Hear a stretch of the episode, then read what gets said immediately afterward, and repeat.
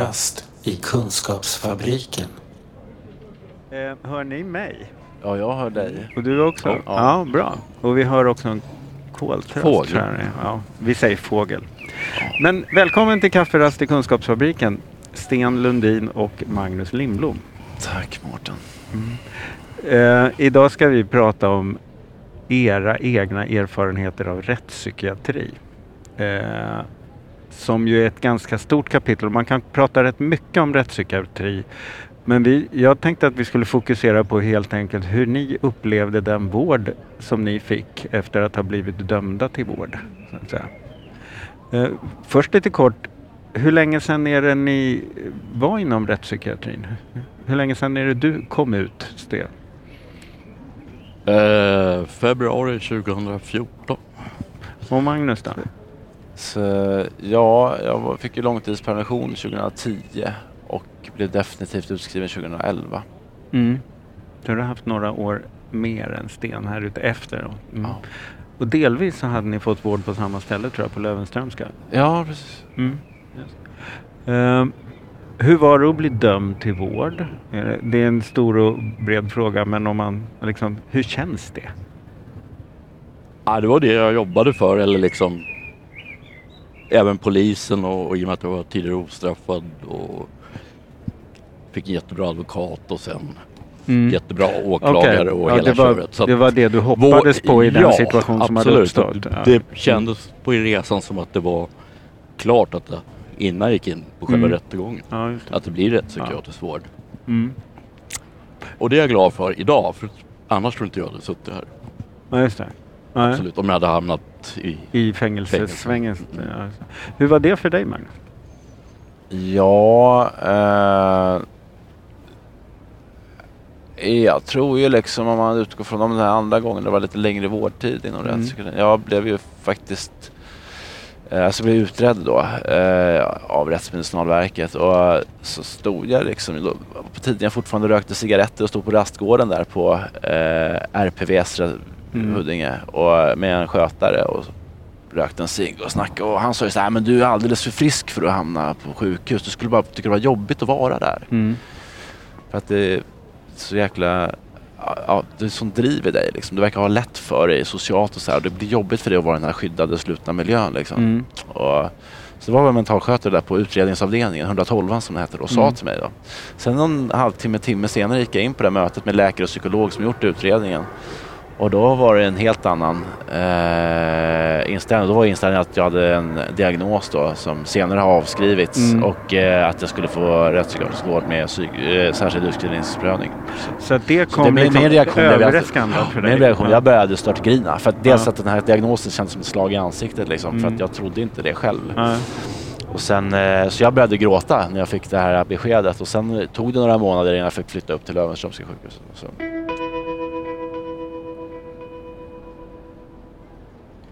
Eh, jag gjorde ett, ett suicid, allvarligt suicidförsök. Mm. Och till slut hade jag bara kom, kommit fram, jag klarar inte av att hoppa från balkongen, jag kommer aldrig slänga mig framför något tåg. Jag vill inte liksom, även om jag inte såg ut som man säger så. Mm. Och då blev det väl så att jag tände eld på min lägenhet och straffskalan för grov mordbrand i och med att det tänds ja. i lägenheten mellan Mm. 3 till 8 år informerade advokaten. Mm. Så att på något vis via advokat och, och Så- an- andra personer som mina föräldrar och jag själv liksom Mm. såg det som en positiv grej. Och att du, hamna i på, och du på kunde se att det här att bli tvingad till vård är ganska bra? Eller I även, det fallet, jag behövde ju ja, uppenbarligen det. ja, just det. liksom. Även om du inte hade blivit tvingad till det så kunde du se att det kanske Ja, var vård du behövde? Ja, så det. illa mådde jag ju om Ja, säger så. För så var det inte riktigt för dig då? Att du, du stod inte där och kände att jag behöver vård för att det här, mitt, min tillvaro är Jag kände, jag, jag, jag, jag nådde ju som alla andra människor som har, jag hade ju ett missbruksproblem innan Mm. och äh, även liksom, ja, väldigt mycket olika, alltså vad jag har förstått efter liksom, ja, lite problem eh, som kommit från eh, fam- familjen jag kommer Mm. ifrån egentligen. Vad de inte har gjort med Mm. mig liksom, när jag var yngre och sådär i tonåren. Men eh, när jag, eh, alltså, jag var ju där, jag, jag var villig att göra vad som helst för att må bra. Det var jag. Okej, Men det är ju ja. alla Mm. människor som blir Ja, just inlåsta det. på obestämd man tid. blir dömd eller... ja, och det tror jag liksom, Mm. det, men det var jag väldigt villig. Sen, eh, sen var det liksom, då, och så var det ju så här att man sa ju det, många personal, de, de sa ju att man måste vara motiverad och förstå sin diagnos för att få Mm. komma ut därifrån. Så då fick man ju veta att man var ju tvungen att förstå då diagnosen. Och då blev det ju så att jag gick där och till slut fick jag acceptera den då som jag själv egentligen då från början inte trodde på. Jag fick acceptera den för att vara tillräckligt motiverad för att en dag få komma ut därifrån. Det var så jag trodde att det var. Jag vet inte om jag missuppfattade det men det var så, det var Ah, så, ah. det var så man Mm. sa att du måste Mm. bli motiverad och förstå din diagnos. Det, och, ja, och då, var det, då fick man ju leva sig in i den och försöka förstå den även fast man kanske inte trodde på den helt från början. Men sen så hade Mm. jag en läkare som jag, jag ville ju, jag ville ju, jag hade ju en medicinering som jag tyckte var lite jobbig. Jag nämnde biverkningar Mm. och hans svar var ju, det är mycket ovanligt. Sen hade han inget mer att säga om det. Så då fick du stå ut med Och det? så, ja, så, och, och, och, så det, det, och, och, och så var det en läkare, det kom in en gästläkare när han var på semester och sa vi, ska nog utreda dig för någon depression eller sånt där. Mm. Och, om det är några andra svängningar än, än schizofreni som hade ställt som Mm. diagnos. Och, och, och det, det tyckte jag lät jättebra. Och, sen så gick han tillbaka från sin semester och jag nämnde det här för den här läkaren. Och sa han, ja men ska vi göra en sån här utredning? Hon pratade om det, den här läkaren. Så Varför? Säger han. Okej, så, Så det som du, Inget mer att säga. så det som för dig blev en möjlig dörr Ja, till precis. Någonting bara, jag kanske kan få titta, liksom- ja. ti- titta någon, för att alltså, oavsett vilken sjukdom man har, om man tänker liksom psykisk ohälsa, att ha en diagnos som man verkligen vill ha och tror kan förklara sina problem är ju det bästa sättet tror jag att få hjälp. För då är det någonting som man tar till sig och man kanske kan använda det som ett verktyg för att må bättre och kanske undvika vissa saker och, och, söka sig till sammanhang där man mår bra och sådär. Men för mig blev det ju så att ja, jag försökte ju, jag försökte ju liksom att, att, att hitta ett sätt att må bra i att ha en diagnos som jag egentligen inte hade. Och, Mm. eh, eh, men sen så var det så många som jobbade där som var personal. De sket ju vilka diagnoser man hade. De umgicks ju med en som en person liksom. Mm. och det var ingenting man pratade om sådär. Men det var ändå, ja, Är det där något du känner igen Sten? Ja, jag skulle vilja tillägga lite här, eller Mm, utveckla lite mm. mer att eh, i mitt fall så var det finns ju två olika varianter man kan bli dömd till inom Mm. eh, rättspsykiatrisk vård. Den ena är ju då den mest förekommande är ju då att förvaltningsrätten fattar beslutet. Det. Man omprövas var sjätte månad. Jag hade ju då, om man nu får säga den lägre, att ansvarig överläkare kunde Aha, skriva ut. okej. Mm. Men hur som haver så var det sjätte månad så prövas det om. Mm. Och vad de skrev och vad de ställde frågor i förvaltningsrätten till mig, det var ju... Vet inte om, om du, du känner igen det Magnus? Att, eh, så länge man bedömdes antingen till återfall i brottslighet eller att man saknade insikter eller hade aggressivt beteende och så vidare.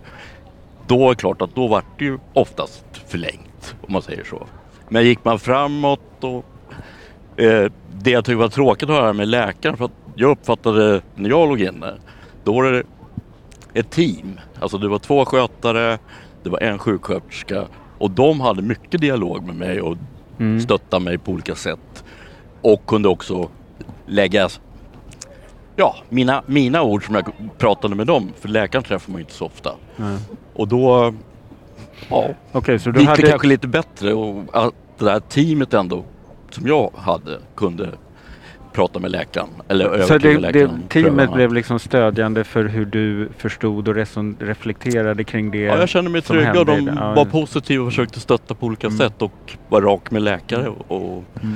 även psykolog. Och, Men tyckte du att du fick en behandling som gjorde att du började må bättre? det var ju svårt just det där med mediciner som man vet. Mm. Så att jag gick väl upp 30 kilo. Fast jag inte åt någonting tyckte jag. Mm. Av, av någon medicin. Men sen efter ett tag då så äntligen började man väl hitta då. Det tog väl ett och ett halvt år. Mm. Så då vart det litium och sen vart det en, ett SSRI-preparat. Hade du fått en... För om du säger litium så gissar jag att det är bipolär sjukdom du har på något sätt. Ja, Ja, och, står så tror jag. och, och då gissar jag... Men var det en diagnos du fick efter att du hade blivit dömd till vård eller hade du fått den innan? Nej, jag hade varit inlagd i allmän psyk året innan. Ja, ett halvår innan kan Så du var diagnostiserad? Nej, inte, riktigt. Nej, Nej. okej. Mm. Så att, men det, det var en, var en del läkare direkt som skrev det.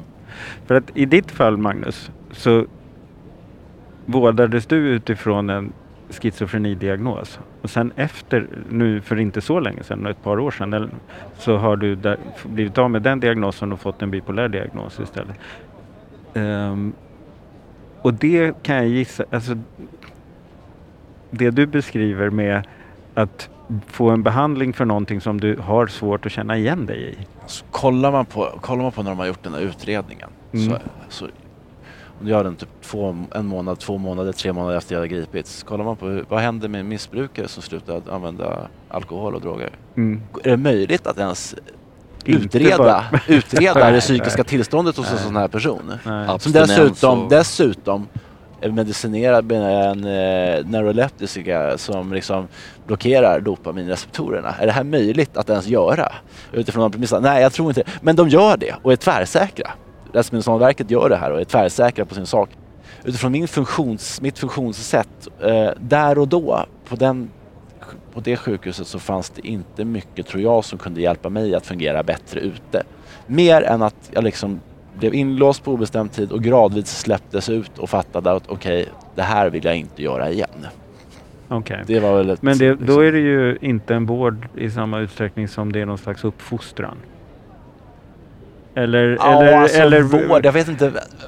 Det är ju medicineringen och sen så antabus då, alltså ja, att inte dricka alkohol. Och det är ju liksom en, eh, ja det är också en metod liksom för att, eh, så att det, och sen urinprover var ju en del av det också, att ta drogtester. Så att, eh, men, men det, jag tror att de hade jobb, jobbade liksom inte ut efter någon behandlingsmodell mer än att ta prover när det gällde missbruksbiten. Att, eh, men, eh, men ja, vård, ja, jag hade inte så mycket behov av den vården som var där. Det var svårt att ta till mig av det för att de pratade om att städa rummet och, och jag gillade inte det där rummet. Jag ville inte vara där och det kändes tråkigt att ens hålla det städat. Det var, sen, sen kollade jag på mig själv när jag kom dit. Hur gammal var jag? 22 år gammal. Vad ser jag när jag ser 22-årig nu? en liten skitunge känner jag ju nu liksom. Ja, men men, men de behandlar ju mig väldigt hårt. De, jag fick ju samma bemötande som typ 40-åriga män som begått väldigt mycket allvarligare brott. Så att eh, de var ju liksom samma bemötande för alla och då kanske liksom, ja, eh, utifrån den funktionsnivån jag befann mig på så var det liksom inte riktigt anpassat efter mig. Kafferast i Kunskapsfabriken. Så att jag förlorade ju hela mitt nätverk i stort av vänner eh, på grund av det här. För att det gick så lång tid. Och det, alltså det blir ju jobbigt att prata med folk också. För det enda folk frågar var, när kommer du ut därifrån? Kommer det hända någonting? Och det enda Varje du gång jag hörde den frågan så aning. var det som en kniv ja. i hjärtat. Bara, nej, jag vet inte. Så jag vill inte mm. påminnas om världen utanför det här. Och till slut, jag slöt mig i en bubbla. Jag umgicks med de här missbrukarna som var där, som hade varit där i åtta år och fem år. Så jag gick in i en bubbla där och, och klarade inte av att höra någonting om saker som var roliga som folk hade gjort och skulle göra så här. Så att, gå från, när, man, när man hamnar på den mentala botten där, vilket alla gör som låses in där.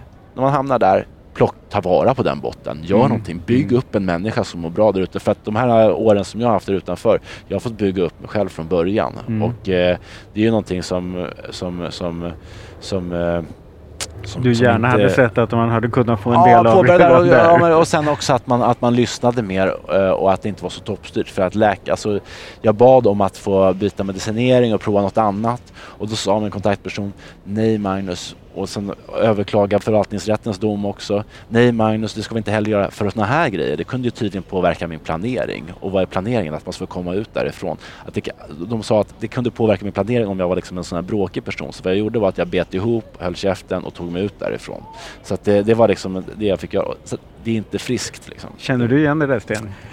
Alltså det, du har väldigt rätt. Det är en sak. Jag såg också även tråkigheter på grund av just att man blandade ganska grava missbrukare, alltså mm. alltså folk som har hållit på i, i princip hela sitt vuxna liv.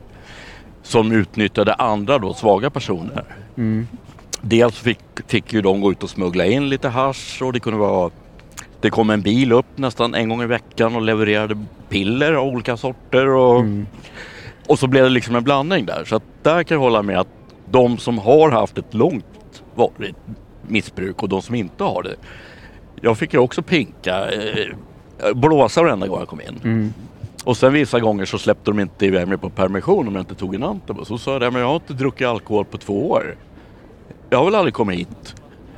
Men bara, bara för att liksom Mm. Då bet jag ihop. jag Annars hade jag inte fått gå ut liksom på permis. Så då var jag lite småsur. Men jag bet ihop i de lägena. Men just den där blandningen att åldrar och, och långvariga missbrukare, det är en annan jargong. Och, Mm. och man kan lätt utnyttja de som är lite svaga. För det var också rätt mycket personer med, om vi säger så, kognitiva stör, utvecklingsstörningar och så vidare. Så det var en salig soppa på folk. Så lite mer uppstyrs och bättre, typ som Magnus sa här om program just för bättre, missbrukare. bättre matchat mot vem man är.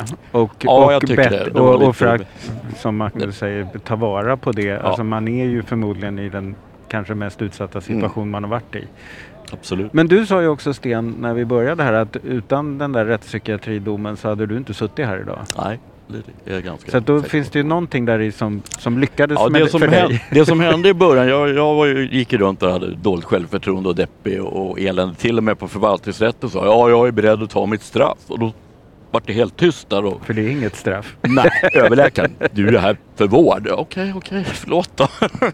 Nej, men hur som haver, sen kan jag väl säga att personalen kan ha en jäkla betydelse. Jag fick väldigt bra kontakt med några skötare, riktigt så här, till och med en riktig bodybuilder som Mm. tog med oss på gym och sådär. Mm. Och jag var ju helt konditionslös. Men han kämpade på. Jag gick där 10 minuter, svetten började Mm. spruta och sen så fick jag då byta till andra mediciner. Så att de där 30 pannorna jag hade gått upp rasade ner Okej. på några månader. Ja. Så bara det Mm. var ju också mer motiverande för att komma ut. Och sen hade jag god kontakt med mina föräldrar och min syster och mina gamla vänner Mm. kommunicerade med dem då. Sen Ja, på Du, slutet så du kom de behöll upp ditt och- nätverk under tiden? Ja, fast jag egentligen inte hade kontakt med. Men via mina föräldrar och, och sådär så hölls. Så det Mm. kom ju upp vänner då och hälsade på lite grann och så började man ha telefonkontakt och det är klart då. Och eh, arbetsterapin som sedermera blev aktivitetscenter gick vi med en grupp då som åkte och handlade och så lagade vi mat och så två dagar i veckan. Så man fick stå där och, och sälja till läkare och personal och patienter käk och Så du mackor hade och något fika. att göra? Ja, det, det var det. Och om jag nu ska ge en tumme till. då. Eh, de resonerade kring mig och och tyckte då när jag började må bättre och började fungera och ville något. Att här kan han ju inte gå. Han behöver ju ut och få arbetsträning eller byta miljö och känna att han har kommit så pass långt nu då. Och det rullade ju också på sista året. Ja, just det. På det hela taget så har det liksom hjälpt dig att skapa någonting bra? Ja, för jag trodde inte du skulle kunna bli det första Ja. året kan jag ju säga. Men då låter det ju mer för dig Magnus som att eh, du har lyckats skapa något bra trots... Efter den här vårdtiden så har jag liksom, jag har fått och sen ändå på slutet av den liksom så, så bygg, började jag påbörja bygga upp ett liv. Mm. Eh, Hade du också Men gått upp i jag vikt? liksom, Nej, nej egentligen. Jag gick ju ner väldigt mycket i vikt under den här vårdtiden. För jag liksom valde ju att, eh, eh, att eh, äta väldigt lite. Jag blev sån som rökte och drack lightläsk. Det levde jag på under den här vårdtiden. Cigaretter och lightläsk. Och sen, sen eh, ja, så började jag liksom under slutet av vårdtiden började jag praktisera på ett företag. Och eh, sen kom jag ut därifrån och eh, har hittat, försökt hitta massa olika sätt att må bra liksom. Mm. och eh, landa i olika grejer som jag varit med om. Sen, sen, så det här att just att det är obestämd tid och att om jag begår ett brott riskerar att låsas in på obestämd tid. Det har gjort att jag liksom, alltså det blir liksom ett enormt stigma i att ha varit där och att liksom den här rädslan som, som, kanske, som kanske är ganska obefogad och onödig hänger med efter det här. Och jag skulle säga att det, det tog kanske tre, fyra år efter att jag hade blivit utskriven till att jag vågade kritisera rättspsykiatrin också. Alltså, Jaha, för att jag, var, okej, jag, vågade, ja. jag var, jag var Mm. liksom rädd Mm. På något sätt. Och så under där, där, där och då, då gjorde jag ju inte det när jag var där. Det vågade jag inte göra. Sen har ju grejer landat flera år senare. Just att vara inlåst. Jag har ju läst att liksom, experter säger att vara inlåst på obestämd tid sådär som man är inom LRV, att det gör att det blir väldigt svårt att gå vidare från det som har hänt. Och när jag kom ut därifrån så dels jag hade ett självförtroende som på sätt och vis var starkt men sen en väldigt ihålig självkänsla som ändå Mm. eh, har brutits ner och byggts upp säkert 30 gånger efter det. Mm. Liksom. Hade du något självförtroende när du kom ut? Absolut. Mm. Men det hade du inte riktigt. Det var något du Men byggde alltså upp? det får jag också säga till min fördel, det brukar kanske inte vara så vanligt utan när rättspsykiatrin tyckte att det var dags för mig att börja arbetsträna eller Mm. praktisera. Så skickade de ner till Södertälje kommuns socialpsykiatri då. Då fick jag en socialsekreterare ungefär ett år innan jag blev utskriven och sen fick jag en samordnare Okej.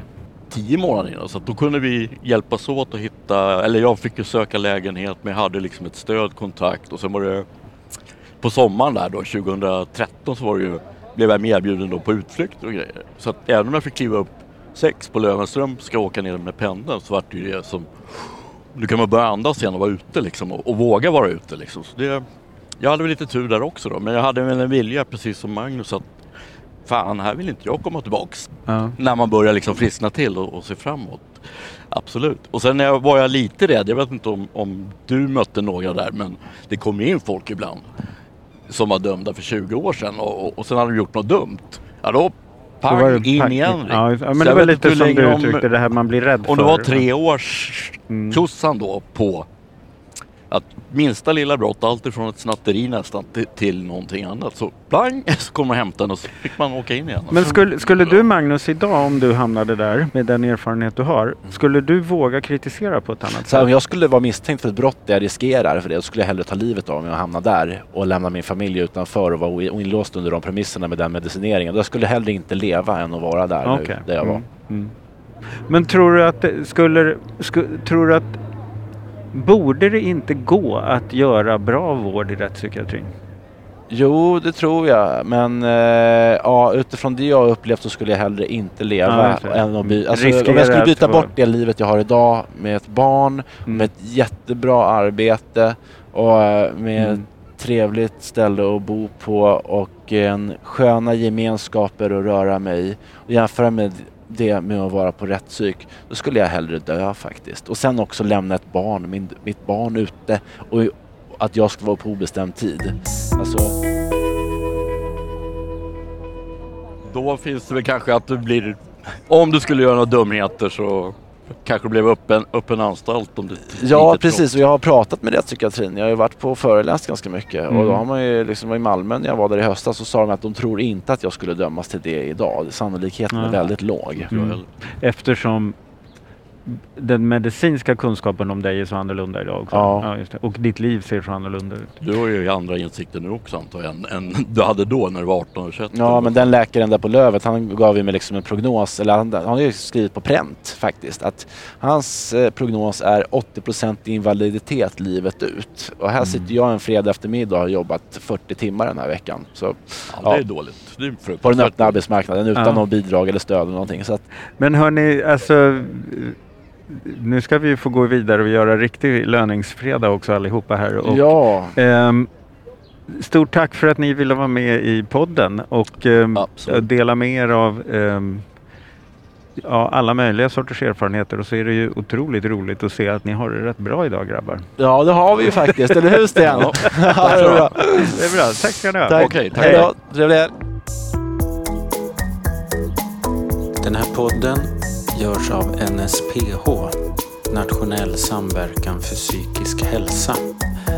Läs mer på vår hemsida www.nsph.se